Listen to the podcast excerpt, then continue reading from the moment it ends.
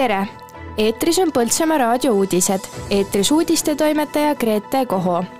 alustab Põltsamaa raadio kuues hooaeg. vallavalitsus ootab ettepanekuid Põltsamaa valla aukodaniku ja teenete märgi kandidaatide kohta. Põltsamaa vallavalitsus võttis vastu Kingu tänav kümme katastriüksuse ja detailplaneeringu. Põltsamaa kultuurikeskuses toimub kahekümne kaheksandal detsembril Inga ja Toomas Lunge aastalõpukontsert Põltsamaa raadio alustab kuuenda hooajaga. Eetriprogramm kestab kokku nädal aega, kahekümne viiendast kuni kolmekümne esimese detsembrini. raadiot saab kuulata poltsamaaraadio.ee veebilehel ning Põltsamaa piirkonnas sagedusel üheksakümmend koma üheksa megahertsi. kõik saated on järelkuulatavad. nädalapikkuse raadioprogrammi jooksul jõuab kuulajateni ligi kakskümmend erinevat saadet, teiste seas aastalõpu intervjuu vallavanemaga. oluline osa on loosimängudel ja otsesaadetel. programm alustab hommikul kell kaheksa ja lõpetab õhtul kell kakskümmend kaks null null. öötundidel mängib muusika, räägib Põltsamaa raadioprogrammi juht Samuel Aksel Maikalu. jah, meie raadionädal on sattunud seekord sellisele toredale ajale, et saab päris korralikult äh, raadionädala alguses äh, siis jõule tähistada ja jõulumuusikat kuulata ning äh, eetrinädala lõpus saab siis ka vana aasta koos ära saata ja on, kõlavad meil muidugi ka siis äh, saated, mida kuulajad juba teavad ja, ja tunnevad, mis, mis on harjumuspäraseks saanud, erinevad persooni intervjuud ja arutelusaated ja muidugi ka juba kolmandat korda siis äh, aastalõpu intervjuu vallavanemaga. Ning äh, on ka muidugi midagi uut äh,, nagu, nagu ikka, tuleb esimest korda väike raadioteater näiteks, alustas tegi algust uus äh, reisisaade ja, ja muud äh, sellist uut ja huvitavat äh, veel ka. nii et soovin omalt poolt kõikidele head kuulamist. Põltsamaa vallavalitsus ootab valla aukodaniku ja teenete märgi kandidaate. Põltsamaa valla antav aunimetus Põltsamaa valla aukodanik on valla kõrgeim autasu, mis omistatakse füüsilisele isikule elutöö eest, Põltsamaa vallale osutatud pikaajaliste väljapaistvate teenete eest või vallapoolse erilise austusavaldusena.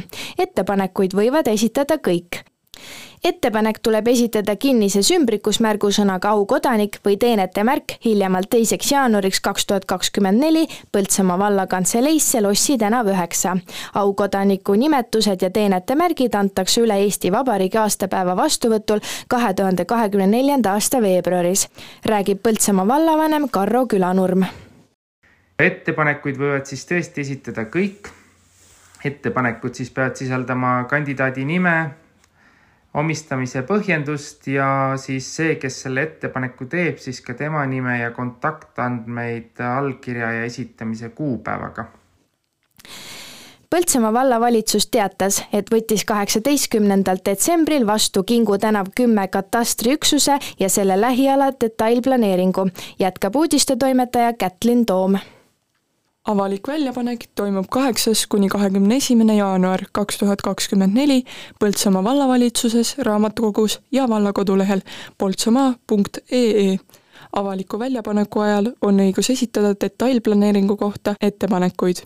palume need esitada kirjalikult hiljemalt kahekümne esimeseks jaanuariks e-postil info at poltsamaa.ee või saata aadressil Lossi tänav üheksa, Põltsamaa linn Inga ja Toomas Lunge aastalõpukontserdiga avab Põltsamaa kultuurikeskus uue sündmuste sarja. vanakooli kohviklubi formaat toob Põltsamaale muusikaelamusi, kohtumisi huvitavate inimestega ning võimaluse muusikasaatel tantsida. esimesel kontserdil mängib tantsuks ansambel Sirli. pääsmed müügil piletilevi.ee veebilehel